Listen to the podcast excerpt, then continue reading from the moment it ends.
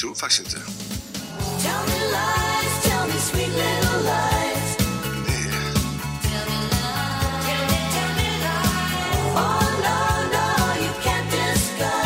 Jag tror faktiskt inte.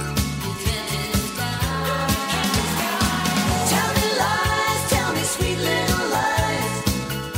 Och där eh, säger vi välkomna till våra eh, trogna lyssnare och framförallt våra elva tappra Patreons. Som håller plånboken öppen. Ja, nu önskar vi bara att dollarkursen skjuter i höjden, eller hur? Ja, verkligen.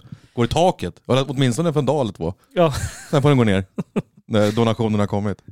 vi eh, är eh, någon dag sen, Japp, vi har haft lite haveri. haveri och lite kastat om i eh, tablån. Så är det. Men, Mycket eh, att ta ställning till. ja, men kul att det är många som har eh, hört av sig och frågat vart fan vi håller hus. Man skulle kunna tro att det var en liten kupp om det var så att de faktiskt bryr sig om oss. Ja, men, det, det- ja, men det ser vi att de gör. Oh ja. Eh, återigen, många som skickar och har sig och tipsar. Fick en krönika på Instagram skickad till mig som jag ska... eh, Beta av när tillfälle ges. Ja, verkligen. Det fanns mycket intressant där. Fick du ta ur egen ficka för det här minneskortet som ser ut som ett söndertrampat grillchips numera? Eh, jag har inte lyckats eh, göra något uttag av våra, jag tror, eh, jag vet inte om jag är bra på Patreon heller för har, jag har lyckats ta betalt för tre dollar. Okej. ja, ja, men tack till er som eh, fortsätter stödja oss. Oh ja, Mm. och för er som känner att eh, ni vill join the hype så är det Join the movement, som du brukar säga. eh, patreon.com snedstreck SSIH podcast. Så är det. Hur Ja. är läget annars? Det är bra. Jag har sett fram emot den här dagen. Mm, jag med. Det jag har Det, pysslat om lite för att Ja. få ihop det här, men eh, nu är vi här. Eh, det är en del kul på agendan. Vi har väl eh, två huvudsakliga spår som vi kör Mm. på va? Ett där vi är med den här utbildande podden. Vilket vi tycker är viktigt. Mm. Det är vi i och för sig i de flesta fall. Men det här är lite mer utbildande. Väldigt aktuellt är det här också. Ja det är det. Det, det här berör många. Ja. Eh, det rör sig om Tegnells haveri som vi Mm. kommer komma in på. Eh, sen går vi också till botten. Jag är ju en man av kundklubbar. jag, jag har sett din plånbok. Ser ut som en bibel för fan. Du är ju också en av få människor som verkligen insisterar på att få plastkort. Ja, det betalar jag gärna ett par mynt extra för. Sitter hemma och breder ut dem över köksgolvet och tittar. Inte Flora, så trevligt. Inte fluff. Rusta, du har varit där en gång. Nej, Röst är en frekvent besökare. Det här är inte sponsrat för övrigt. Det var bara exempel. Ehm, och där fick vi ett erbjudande eh, från Hemmakväll som jag reagerade starkt på och Mm. har gjort ett eh, dum i huvuddyk i. Mm, men det tar vi lite senare. Ja. Vi börjar med eh, vår eh, Anders Tegnell. Statsepidemiolog. Hoppas jag bara behöver säga det en gång den här podden. Vi säger bara Tegnell, alla vet vem det är då. Ja, vet man inte vem det är, då har man, vet inte vilken sten man legat under. Nej, det var, käken låser sig när man ska berätta vad han är för något. Ja, vad är han för exakt. något? Statsepidemiolog. Hela fågelbadet fick jag skjuta ut. Kunde landa några tranor där. Ja, han eh, är ju ständigt på tapeten. Ja, han kommer liksom inte undan heller. Nej. Eh, vi har då fastnat för ett eh, uttalande han gjorde i Expressens webb-tv tror jag att det är. Där han får frågan hur kommer det sig att det kan vara uppemot 5 000 på Skansen medan det bara är åtta personer på Friends Arena när AIK i det här fallet har haft hemmamatch. Mm. Och där finns det en del intressant att eh, lyssna på. Vi hoppar in på direkten tycker jag. Skansen får ju nu ha öppet och får ha 5000 besökare. Eh, samtidigt får fotbollsarenor eh, ha max 8 besökare. Jag undrar vad, det, vad är det som gör att det är okej att vistas på Skansen men inte på till exempel Friends Arena? Ja, delvis för att de regleras av olika regelverk. Eh, Och då måste man ju se till att få till någonting som fungerar på alla aktörer med det, med det regelverket. Eh, vi håller ju på att titta på möjligheterna för även sportarenor och liknande. Men just nu befinner vi oss vid en väldigt allvarlig smittspridning och därför är det inte riktigt aktuellt. Den stora skillnaden mellan Skansen och Friends Arena är ju att Skansen dels inte släpper in alla 5000 på en gång utan sprider dem över hela dagen. Vilket gör att det inte blir någon träng- det finns inga risker för trängsel vid ut och ingångar, vilket du gör på Friends Arena. Dessutom är ju, även om Friends Arena är stort, så är Skansen eh, väsentligt mycket större ytmässigt och man vistas ju väldigt sällan nära varandra på Skansen överhuvudtaget. Så att det, Eller man behöver i alla fall inte göra det. Så att det finns ju också rent, rena andra orsaker till att man kan faktiskt ta in mer folk. Men, men i grunden är ju också att de, de regleras av olika regelverk som också står på en en massa andra arenor och liknande. Och att vi behöver ha en, ett någorlunda funktionellt regelverk för alla typer av aktiviteter. Tyvärr är det så att det är väldigt svårt att idag veta exakt vil- vilka procedurer som behöver finnas på plats för att man ska kunna göra någonting säkert. Vi tycker nog att i den situation vi befinner oss just nu med den väldigt omfattande smittspridning som vi nu pratar om i Sverige så finns det egentligen inget säkert sätt att hantera stora mängder människor på ett ställe. Eh, Det går inte att ha fotbollsmatcher och liknande just nu. Det är vår absoluta bedömning för då är risken för smittspridning väldigt, väldigt stor. Ja, här finns det en del att slå ner på. Det tycker jag verkligen det gör. Eh, ska vi börja med just det här med eh, alltså hur alltså det oftast inte trängs på Skansen. Mhm. Uppemot 5000 pers. Eh, det är stort utrymme, absolut. Ja. Men hur tror du om lille Robert på fem år, som har suttit en hel pandemi och bara suktat efter att få titta på de här trötta jätterna på Skansen. Troligtvis fullproppad med socker av sina pärlor. sprutar i öronen. Uppladdat till varv, alltså Ja. till max. Och när den här då Robert får se andra barn helt lyriska över de här jätterna. Hur hindrar man folket där? Älskade Robert, du får, nu har du en minut på dig att titta på den här geten, sen måste vi gå vidare. Finns det inga avgränsningar inne på, på Skansen antar jag? Eller? Nej, eh, och, eller bara så här, folk som ger sig fan på att se järvjäveln på Skansen. Står där i två och en halv timme, kladdar på samma räcken, Det står 3000 pers och letar efter järven. som fly- flyttade ut 98. Någon gång. Tror, tror kanske Tegnell att viruset inte sprids om man står och letar efter järven? Ja, vem vet, vem vet. Men det är ju så här, den där miljön, alltså folk går ju förbi varandra på de där små gångarna, fram och tillbaks. Ja, kolla där borta har vi någon gammal ren, går vi och tittar på den. Och så är det barnvagnar höger och vä- vänster och så är det någon farmor och farfar som släpar efter med en dålig höft. Ja, då, du får ju en helt liksom, du får ett rörelsemönster inne på Skansen som är, ja det är helt otroligt, det är som en myrstack. Ja, verkligen. Förmodligen. Och då ska man också lägga till... Och det här är ingen kritik mot Skansen, men det är så det ser ut. Ja, exakt. Och så ska man också lägga till att eh, fan stubinen har dragit åt helvete på alla barnfamiljer som bara nu ska vi ut, nu. Mm. Det är ingen som kommer ta hänsyn till något att nej men nu ska vi gå ut. eh. Nu går vi samlad tropp och väntar på vår tur. Ah, nej, nej. Nej, då är blodsockret nere i botten på kidsen. Robert är trött på... Robert vill kanske aldrig se en get minst på en vecka igen. Robert har kanske dräpt en get, vem vet? Vem vet? Och ja, nej men det är ju en grej. Mm. Det låter väldigt konstigt. En annan sak som man också kan fastna vid. Det är ju att alla skulle släppas in och ut samtidigt på Friends. Det är jättefrånvänt. Får jag fråga en sak? Tycker du att det osar idrott om Tegnell? Nej, jag tycker inte det faktiskt.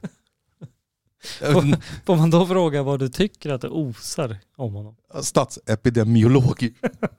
Uttalar jag rätt? Ja, det gjorde du. Ja, Ja. bibliotek. Nej, han kanske har ett jävligt, liksom, någon inre konflikt när det kommer till idrotten. Han kanske var puttad ner från någon plint när han var liten. Skulle lubba ut, gråta av sig, fanns det bara en utgång. Jag vet inte. Men, men, men, men tänker vi då att liksom när man gick igenom upphandlingen här för att bygga Friends Arena, detta enorma komplex, har man då sållat bort, enligt Tegnells då, har man då liksom sållat bort fan, två ingångar? Nej, det här går, Nej, det fet, är- det här går fet bort.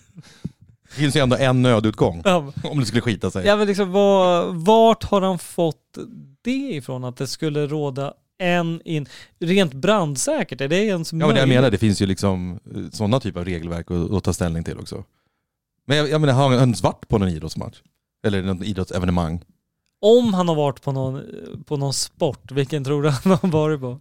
Typ pingis-SM i Laholm, någonting sånt.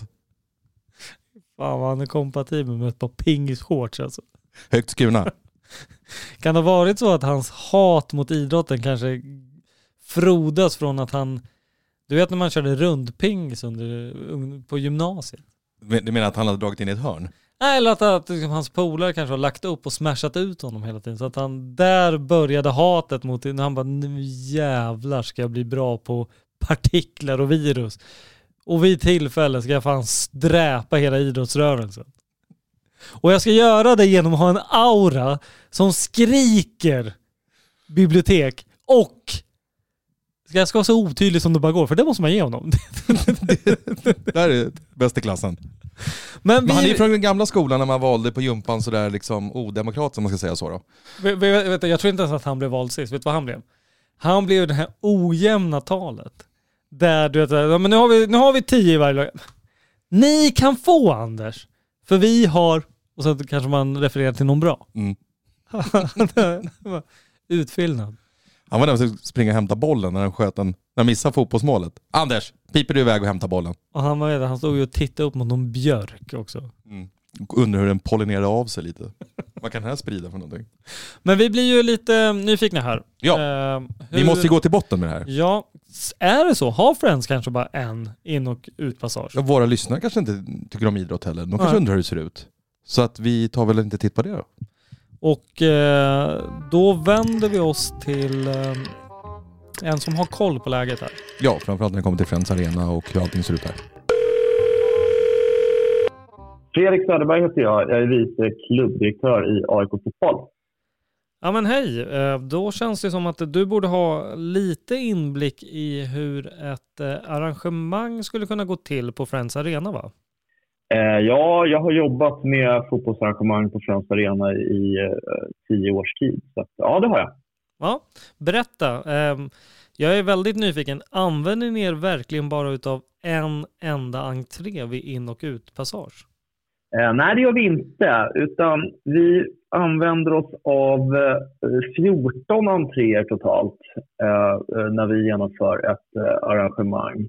Uh, och vi, sen har vi ju en mängd- nödutrymningsentréer också som man naturligtvis skulle kunna använda om andan uh, eh, föll på. Men eh, 14 entréer är det som vi använder när vi arrangerar, eh, när vi arrangerar fotbollsmatcher. Och eh, med entréer då, sn- snackar vi liksom en, en entré in till ett landställe? Liksom, är det den storleken eller vad, vad talar vi om? Ja, de är rätt breda. Va? Det vill säga att om vi tar vår största entré då så har ju den eh, uppåt en eh, 16 eh, sådana här vändkors eh, som, eh, som, som den tar. Och där kan, den kan svälja, den entrén den kan svälja ungefär ett flöde på 25 000 människor under en period om eh, 20 minuter eh, utan att det är egentligen någon, någon större köbildning att prata om. Mm. Eh, Det som tillkommer är naturligtvis sådär visitation och sånt. eh, Men eh, den, den hanteringen går ju liksom på något sätt att, att styra så att du, så att du i alla fall ja, precis, styr undan köer från, från entrén. Så, Nej, det är, ingen, det är inte en dörr vi pratar om. Liksom. Nej. Men finns det möjlighet då, så här, om man sprider ut eh, folket på arenan, att eh, liksom hålla kvar sektioner eller områden och se till att folk försvinner ut i olika omgångar helt enkelt? Alltså om, om det är det som krävs för att vi ska få spela fotboll med någorlunda eh, självaktning i kapaciteten om man säger så. Det vill säga en kapacitet som eh, i alla fall vi pratar om en person per 100 kvadratmeter eller något sånt där. Eh, vi kan ju se till att folk kommer enligt ett schema två timmar innan match och släpps ut enligt schemat till tre timmar efter match om så skulle krävas. Det tror jag liksom, ingen skulle ha problem med i detta läge. Mm.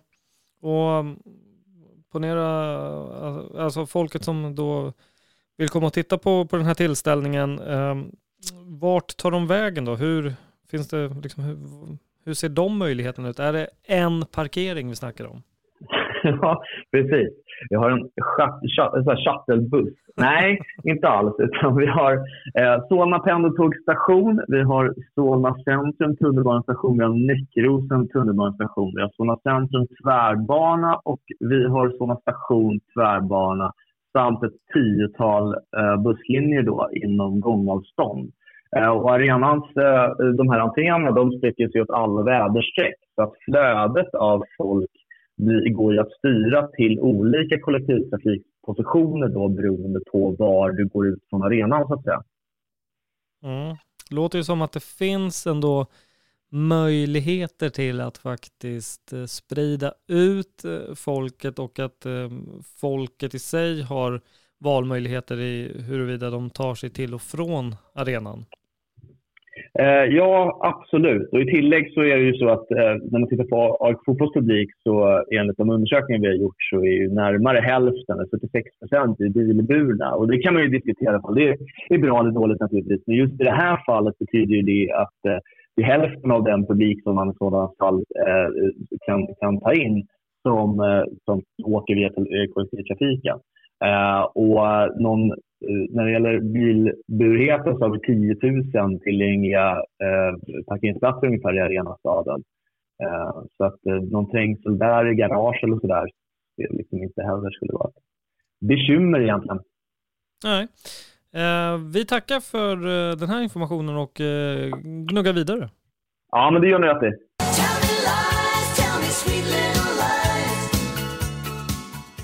Ja, Fredrik Söderberg hade koll på saker och ting till skillnad från... eh, Om man hade ringt Fredrik Söderberg till att börja med. Istället för att sitta hemma på kammaren och bläddra i något gammalt kollegieblock och slå på sin Casio-räknare. Jag kan inte släppa, kan det vara så att hela idrottsrörelsen har tappat ett år för att Tegnell tror att alla jävla arenor har byggts med en in och utpassage? Där är vi. Då ska vi se. Fan vad tråkigt lego han ska ha haft som barn. Fanns bara en jävla dörrjävel. Nej men skämt åsido. Eh, alltså märk väl att eh, i det här som, som Söderberg berättar här är alltså tiotusentals människor som kan hanteras utan att bildas köbildning. Liksom, vad var det? 20 000 på 10 minuter. Mm. Eh, och det är inte ens det vi pratar om, utan här pratar vi om kanske, ja men säg att det är 5000 pers. Ja men rimligt då, som de säger på Skansen, vi kan ta in Exakt. 5000 besökare. Så vi håller det till det. Och det är en arena som tar liksom 50 000. Och det låter ju inte som att, eh, jag menar det var ju också mer än en parkering. Ja det var det verkligen. Lite olika, olika färdmedel att ta sig därifrån. Ja. Om det inte är via apostlahästarna så finns det en rad olika alternativ. Har du testat att ställa bilen utanför eh, Skansen? Jag skulle aldrig företa mig det. Det är helt omöjligt. Finns det- det en parkeringsplats? Det finns, men den är aldrig tom. Ja, det, så är det väl då. Ja, det finns väl kanske tio parkeringsplatser. Ja men på typ. Ja. Eh, Och en parkering. och sen eh, finns väl den här spårvagnen du kan ta. Ja, en buss ut sådär. Och där står man inte alls packade som sillar. Nej. Ja, Det är väldigt märkliga argument, men liksom just det här att, mm, att det skulle röra sig om en in och utpassage. Det är, ja, det är helt frånvänt. Har han kanske blandat ihop Friends med eh, Pressbyrån? Ja. Vi måste ju försöka angripa det här från olika, vi måste försöka förstå Anders här. ja. Men jag gör ju inte det. Nej, inte jag heller. Det är, eh, ju mer man gräver i det här, desto mer korkat blir det faktiskt. Eh, men är vi nöjda här? Nej det är vi inte. Det här var ju Friends arena till exempel. Men det finns ju större instanser som verkligen har tagit fram liksom, eh, säga, ett protokoll för hur man vill handskas med det här. Som någon måste bara knycklat ihop och slängt i papperskorgen för det är helt konstigt annars. Så att, eh, jag tycker vi ringer till Mats Enqvist. Mats Enqvist och jag är generalsekreterare på Svensk Elitfotboll. Hej Mats! Välkommen. Det känns som eh, du är rätt person efter att vi har lyssnat på eh, Anders Tegnells uttalande om eh, varför eh, exempelvis Skansen får ha öppet och ta emot eh, relativt mycket folk medan i det här fallet då Friends endast får ta in åtta personer under en fotbollsmatch. Eh, Det vi hakar upp oss på lite det är eh, det han säger att eh, den stora skillnaden är ju att på Friends så skulle allt folk släppas in och släppas in eller släppas in och ut samtidigt medan på, på Skansen är det inte riktigt så det funkar och då blir ju vi lite nyfikna för vi vet ju att eh, Svensk Elitfotboll har ju tagit fram ett protokoll som har presenterats för Riksidrottsförbundet och även för Svenska Fotbollsförbundet och även sedermera eh, Folkhälsomyndigheten. Kan du berätta mer om det? Ja, protokollet är ju, kan man säga, förslag hur man ska kunna hantera evenemang på olika typer av arenor under olika typer av smittolägen. Så att det, det finns en, en mall kan man säga som eh, visar vilka typer av åtgärder man kan göra på en liten, mellanstor och stor arena, vilka publiknivåer man pratar om, olika typer av skyddsåtgärder, hur man stänger kiosker, hur man separerar toaletter, in och utpassage, olika slottider så att folk inte ska komma samtidigt. Och du nämner ju Friends då, det är en arena som har upp till 16 olika entréer om jag inte minns fel nu. Det finns enormt stora möjligheter att se till att en begränsad publik eh, knappt behöver trängas någonstans. Ehm, och sen när man är väl inne, då är det ju folk som sitter. Det är ju det vi pratar om. Det är ju sittande publik i början. Så att eh, den här risken att det blir folkhopar och klumpar inne runt själva evenemanget, den är också extremt låg. Så att eh, vi tycker vi har presenterat en, en, eh, en låda av möjliga aktiviteter och åtgärder och skydds skyddsnät som, som eh, tyvärr inte Folkhälsomöten riktigt har velat eh, ta till sig. Mm. I, I övrigt då, eh, det är väl Riksidrottsförbundet som sköter dialogen va? För fotbollens räkning med eh, Folkhälsomyndigheten, eller? Ja, det det är ju så Folkhälsomyndigheten har ställt krav att man vill liksom göra en lösning för hela idrottsrörelsen och då vill man prata med en part. Det är, det är då Riksidrottsförbundet. Vi har ju varit eh, rätt kritiska till att man valt så från Folkhälsomyndighetens sida för det är ju det måste man ju förstå en fullständig omöjlighet för RF att företräda alla 70 olika idrotter och alla olika varianter. Det är enormt stora skillnader och det är ännu mer en omöjlighet att hitta ett regelverk som är en för alla, att det ska vara samma lösning för all idrott i hela Sverige. Man måste ju förstå hur stor idrotten är och hur, hur skild den är artfrämmande. Eh, till och med hockeyn och elitfotbollen som är väldigt lika varandra är ju två helt olika miljöer, helt olika kulturer, helt olika typer av arenor. Så redan där måste vi ha olika regelverk och, och lösningar och det är ju vi proffsiga på att göra men eh, det den där bilden att man ska då ha en lösning och prata med en part, den, den har vi väldigt svårt för. Mm, Nej. Det var mm, generalsekreteraren det. Yes, Ja. han hade ordning, det var ordning och reda. Ja, Det var ganska tydligt tycker jag. protokoll finns. Protokoll finns, Protokoll har överlämnats framlagts, presenterats. till då vad det verkar eh, att det är Riksidrottsförbundet, RF, som eh, har vaknat till liv och tycker att, eh, eller det var väl FHM som tyckte att de vill ha en part och då fann de RF som lämpligast. Vakna till liv kan man väl inte säga att de har gjort. Vi har ju faktiskt sökt dem också för ett uttalande. Och på sin Ja. höjd så var det någon som svarade på en gnäggande röst att vi inte är intresserade av att delta i det här. Ja, Och det känns lite signifikativt för en sån typ av verksamhet, gör det inte det?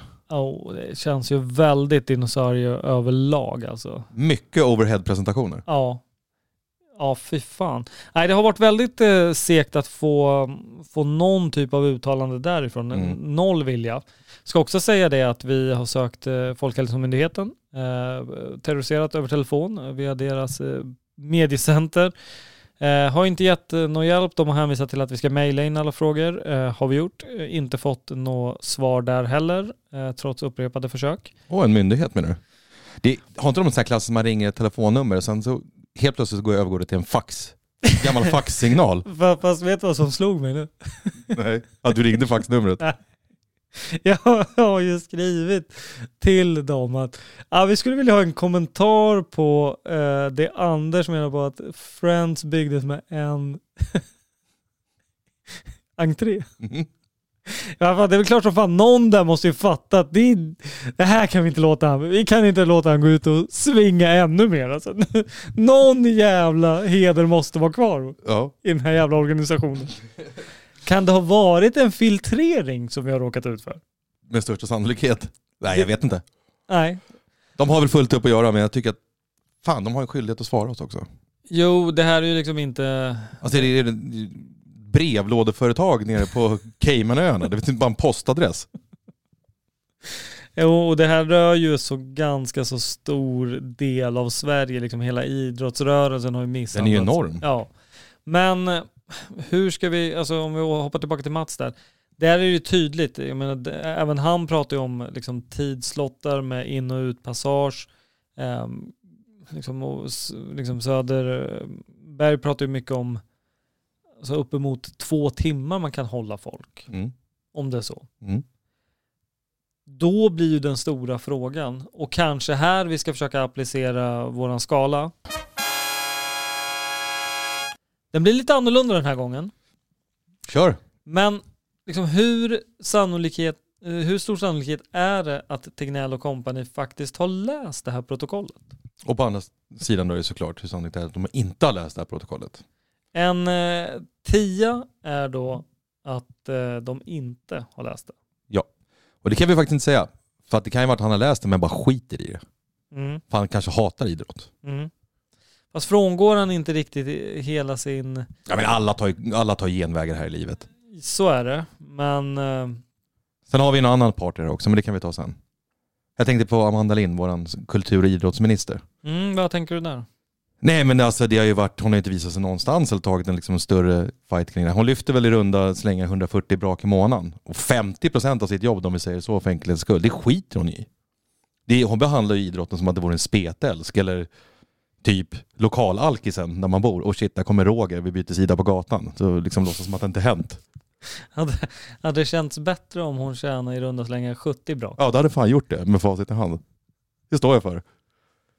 Ja, men ska vi tillbaka till skalan då? Alltså man, jag, jag, jag dammar på en jävla tia här. Du kör det. Ja men alltså jag utgår från för att eh, Du utgår från att han gör sitt jobb, gjort sitt men jobb han här. säger ju rakt, alltså svart på vitt, på att på Friends, då släpper man ut alla genom en och samma ingång. Men då kan han ju inte ha gjort sitt jobb, då skiter han i vad det står där. Är det en tia? Nej jag säger, nej jag kan inte lägga en tia på den här. Nia. Tell me lies,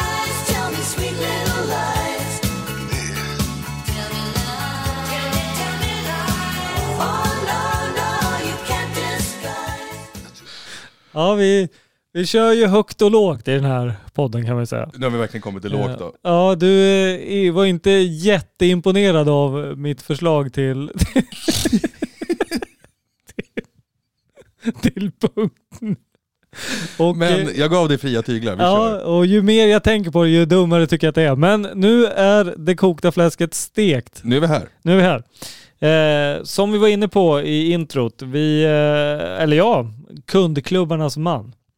Eh, är med Är det ett epitet man vill äga? Jag vet inte. Nej, ja men fortsätt. Eh, hemmakväll eh, brukar man ju ramla in i då och då. Mm, kanske gör. Och eh, fick ett mail för några veckor sedan som jag eh, låste mig kring kan man säga. Som den lilla gottegris du är. Ja, Mm. eh, där hade de eh, lite reklam för en ny ploppsmak. Mm, plopp. Och där sa de ju att eh, i över 800 år har plopp haft samma smak. Det låter ju otroligt. Ja. Ja. Det fick mig att tänka 800 år sedan. Då har vi touchat medeltid. Ja, det är verkligen inte igår. Så det här ska bli intressant att Mm. ta ett litet... Och det, nu, vi vänder på steken här. Mhm. Vi utgår från att det här stämmer. Så är det, ja. Tills motsatsen är bevisad. Ja, någon måste ju ha faktakollat det här. Har, vad har vi på plopp förresten? Plopp. Ja, men plopp, det skulle jag säga en mumsig len liksom mjölkchokladkaka som är perfekt om du vill unna dig själv eller någon du tycker om lite extra omtanke. Så skulle jag vilja. God liten naggande bit man kan ha i fickan. Snarlik center, men det är inte den vi pratar om, nu pratar vi om plopp. Vart ska vi med det här? Jag har ingen aning, men vi kör på. Ja, och första anhalt här då för att ta reda på eh, vad åt man för 800 år sedan? Ja, alltså det ska vi definitivt hitta en sakkunnig på. Jag tycker att det låter lite skumt. Jag menar alltså, kakao fanns det ens i Europa? Kakaobö- Kakaobönan? Mm. Jag skulle gissa att den kan, alltså, kom ett par hundra år senare. Vi ska se, för vi ska börja med att höra oss av till Rickard Tellström som är då svensk etnolog, måltidsforskare och historisk researcher inom film och tv. Men det är ju inte just inom de två sistnämnda som vi ringer upp honom för, utan han har även synts eller, SVTs Historieätarna. Mm. Så vi tar en eh, liten eh, koll med honom. Helt rätt gubbe. Rickard Hellström och är måltidsforskare och mathistoriker. Varmt välkommen till SSIH, Rickard. Tack så mycket. Du, vi, vi, vi är lite sugna på, för 800 år sedan, hur såg matkulturen ut i vårt avlånga land? Eh, Man kan nästan säga att vi inte har en aning. Eh, Vi vet oerhört lite om medeltidens mat. Vi vet en del om råvaror, alltså som man hittar i arkeologiska utgrävningar. Men vet ingenting om kombinationer, smaksättningar eller när man åt vad på året eller över dygnet eller liknande. Eh, I stort sett vet vi ingenting för så länge sedan. Och man har liksom, det, det är ingenting man, låter man det vara så och, och, och, och tar det för vad det är eller för, liksom, finns det antaganden? Och vad skulle de vara i sådana fall? Man kan säga att det som styr det hela är bristen på historiska källor. Så att, eh, man får nog egentligen låta det vara som det är. Det finns en del medicinska böcker som eh, ibland föreslår att man ska äta vissa olika saker. Men återigen så vet vi inte hur det tillagades bara för att vi har en maträtt som omnämns. Vi vet inte vilka råvaror man använde eller hur man gjorde tillagningar och liknande. Så att det, är, eh, det är verkligen historia. Kan man anta att det var ganska så alltså, simpla, enkla eh, grejer vi talar om? Eh, Kan du ta den frågan en gång till? Det klippte här. Ja, kan man anta att det rör sig om ganska så simpla och enkla liksom, måltider och ti- tillagningssätt överlag? Eh, ja, alltså vi vet till exempel att man drack öl. Eh, och det var ett öl som motsvarar vår tids hantverksöl ungefär, överjästa öl. Vi vet att de var smaksatta med humle eller pors. Eh, vi, man åt knäckebröd, man åt saltat eh, fårkött vet vi. Eh, man åt lutfisk vet vi. Eh, men inte riktigt liksom hur det är tillagat, kombinerat eller i vilken måltidsform. Nej. Och, och egentligen är jag ju mest nyfiken över vad vet man kring alltså sötsaker, godis? När, när började det här komma in i vårt hem mer som, ja men mer utbrett? Man kan säga att det stora genombrottet för godis är 1800-talets mitt och det är när betsockret kommer. För då faller sockret oerhört mycket i pris och vid den tiden i 1800-talets mitt och framåt så börjar karamelltillverkningen att bli ganska allmän. Så att, eh, ungefär 150 år lite drygt har vi ätit godis av lite olika typer. Då. Okej, så um, vi kan anta att eh, en, eh, en, go- en godis likt en plopp eller liknande, eh, det fanns inte på världskartan på medeltiden. Nej, det fanns inte på världskartan. Man eh, visste inte hur man, eh, att det ens fanns kakao. Och än mindre så var sockret så extremt exklusivt att vi inte var tu tal att göra godis av det. Den första sockernoteringen som vi har i Sverige den är från 1327, alltså från 700 år sedan. Men vi vet inte då hur det sockret användes. Hela, hela kattjäveln brinner. Ja du, blev du klokare utav det där? Ja, jag vart lite klokare. Ja. Det vart jag faktiskt. Ehm, Det är ju fortfarande inte helt, det finns en hel del luckor Mm. än så länge, eller hur? Så är det. Jag ska säga att jag är nog fortfarande mer team hemmakväll än så länge. Okej. Fortfarande? Vad, vad tänker du? Jag känner väl lite så här, som vi pratade om medeltiden här, att du gjorde din dag på fältet, du gick och plogade där efter en spänt någon plog bakom en gammal galt. Så tog du en liten paus under en plopp. Det känns inte så jävla sannolikt. Och då tror du inte typ att se, senare då att King Vasa när han, när han körde sina skidor. Att han unnar sig en liten sockertopp, Ja, en plopp. en plopp. Nej, jag tror inte det faktiskt. Nej, okej. Men du får jättegärna hjälpa till att övertyga mig om så är fallet. Vi måste ju gå vidare med det här. Jo, alltså jag tänker så här att eh, med all respekt för Rickard, Ja, verkligen. eh, stenkoll på saker och ting eh, och liksom att han tog sig tid och hela den biten, superbra. Men tänk om det har funnits någonting i backen Mm. som någon gång har grävts fram. Som vi har missat, som han har missat. Som han har missat. Det är inte säkert att Så han kan det har vara. liksom full koll på allt, även om han känns som en sån person. Mm. Då måste vi ta det ett steg till. Och vilka gör sånt då? Arkeologer. Självklart. Och jag har fått tag på en arkeolog med eh, bra koll på fynd för åtta, alltså liksom som daterade till 800 år sedan och kanske några hundra år framåt. Mm. Bara för att, jag menar det, det är inte säkert, jag menar man kanske inte, tänk dig de första som då eventuellt ska ha dragit en plopp på 1200-talet. Fan, de kanske åt upp plasten också. Om det inte var inslagen i näver eller någonting. Vi lyssnar. Vi lyssnar. Ja, mitt namn är Adam Bolander. Jag jobbar som arkeolog på arkeologerna vid Statens historiska museer. Då känns det verkligen som eh, handen i handsken här, att jag har kommit helt rätt. Eh, eh, Berätta lite mer om er. Eh, Vad gör ni förutom att gräva?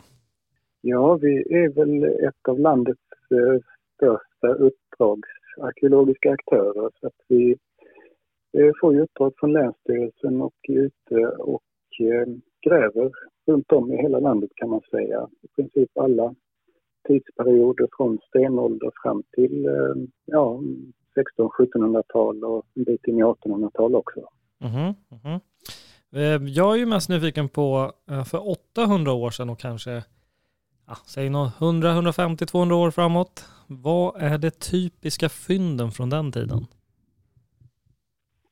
Ja, eh, det kan ju vara väldigt många olika saker men den kanske vanligaste föremålstypen det är ju keramikfragment, alltså trasiga keramikkärl och krus. Det var ju det man använde i första hand när det kommer till ja, förvaring av mat och vätskor och ja, det mesta i hushållet. Så det var ju en slit och slängvara som ofta gick sönder. Så slängde man det bland det övriga hushållsavfallet som vi då gräver upp och dokumenterar. Vad är det för, eh, liksom i vilket skick snackar vi om att grejerna är i som ni hittar? Ja, det är ju väldigt varierande beroende på vilken föremålskategori det är. Men eh, om vi säger mer organiska material, eh, det bevaras ju inte i så hög utsträckning. Eh, om vi säger skinn och trä, ben och horn, eh, näver och den här typen av material. Det, det bryts ju ofta ner i jorden och bevaras sällan i, i någon större utsträckning då det ska vara bra bevaringsförhållanden för att vi ska kunna hitta och dokumentera det. Ehm, men som keramikfragment som ju är, består av bränd lera då, det är ju mer beständigt och bevaras i, i högre utsträckning då. Mm. Då, då förstår jag att svaret på min fråga om ni hittat någon liksom plastförpackningar eller någonting från den tiden, det bör ju vara nej då. Det har vi inte hittat med. Inga plastförpackningar som är 800 år gamla. Har ni hittat någonting som skulle kunna antyda på, eh, som motsvarar liksom, en, någon typ av, för, som skulle visa på att det är plopp fast för 800 år sedan? Då tänker jag på godisen plopp.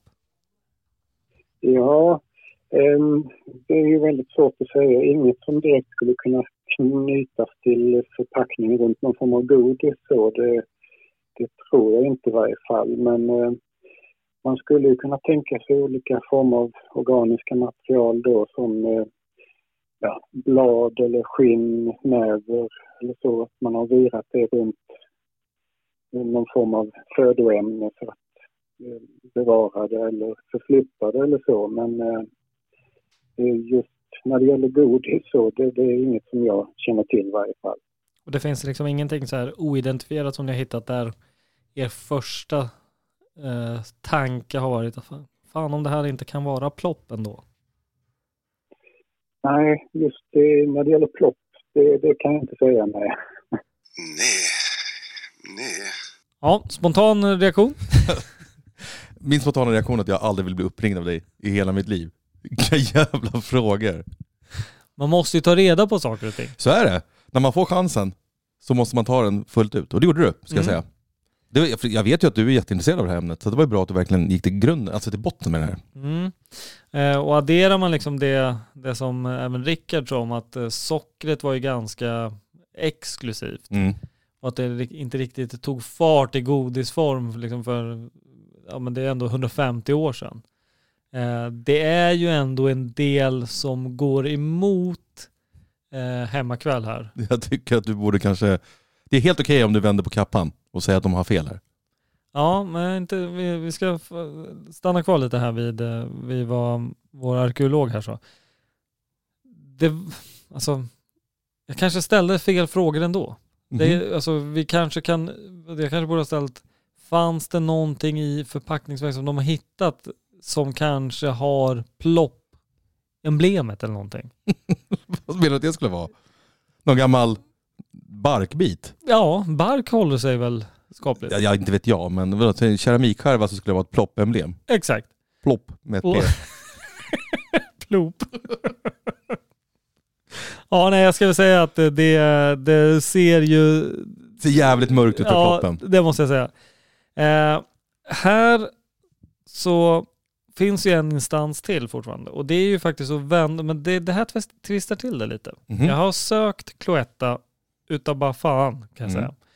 De har duckat att vara med.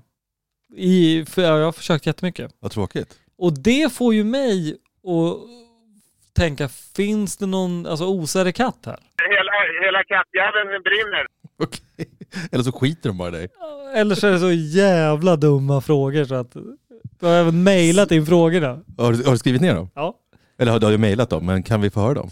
Eh, det är helt enkelt, när kom första ploppen till? Det är ganska Ja, det är fine. rak på sakfråga. Men då tog vi då till internet för Mm. att söka. Och här skulle vi kunna ha, hade vi inte gjort tvärtom här, då hade ju det första steget naturligtvis varit att eh, kolla upp när bildades första alltså när tillverkades första ploppen. Mm. Och då går det att hitta den här informationen. Plopp skapades 1949 av Choklad AB Thule som 1969 köptes upp av Cloetta som då tog upp eh, Plopp i sitt sortiment jämte sin snarlika Center. Mm. Eh, med andra ord, om vi ska damma av skalan då. Ja, det här har ju inte hänt. Nej, det har inte hänt. Det är en sol... Fan, jag hade det på känn. Och du kunde besparat mig någon timme också av livet. Det är 60, eller 90 minuters research man inte får tillbaks. Undrar vad Rickard och Adam tänker när de hör det här. Jag tror att de är glada att de utbildade folket. Det är också en del av den här podden. Det är det. Men då undrar jag ju, vad har eh, Hemmakväll för vinning utav det här? Och lura sina kunder så här? Mm. Och sälja gammal choklad. För det är ju inte heller, eh, jag menar det är ju inte någonstans, jag menar 70, alltså 69 om det togs upp, eller ja, 50, det är ju inte riktigt 80 år heller. Så att de ska kunna ha slagit fel på Kanske någon som hade lite choklad på tummen när de skrev det. Det var lite fel. Ja, jag tycker hur som helst att eh, det var en gåva till våra lyssnare att faktiskt att vi gick till botten med det här. Att, eh, tyvärr, King Vasa har inte älgat runt på ett par träplankor och då stannat upp och haft en... Och morsat på folk med massa plopp i hela skägget. De måste känna sig otroligt lyckliga att de nu kan sova gott i vetskap om att ploppen fanns inte då. Sådana är vi och vi tackar för denna vecka Yes. och eh, är snart tillbaka igen med eh, nya grejer att sätta tänderna i. Vi siktar på hoppningsvis inom två veckor, men rimligt blir två veckor. Och då jävlar kommer vi med ett pangavsnitt. Kanske en överraskning om tidigare, vem vet? Ja, verkligen. Man får inte glömma bort oss. Vi ses snart igen. Nej, nej. Jag tror faktiskt inte det.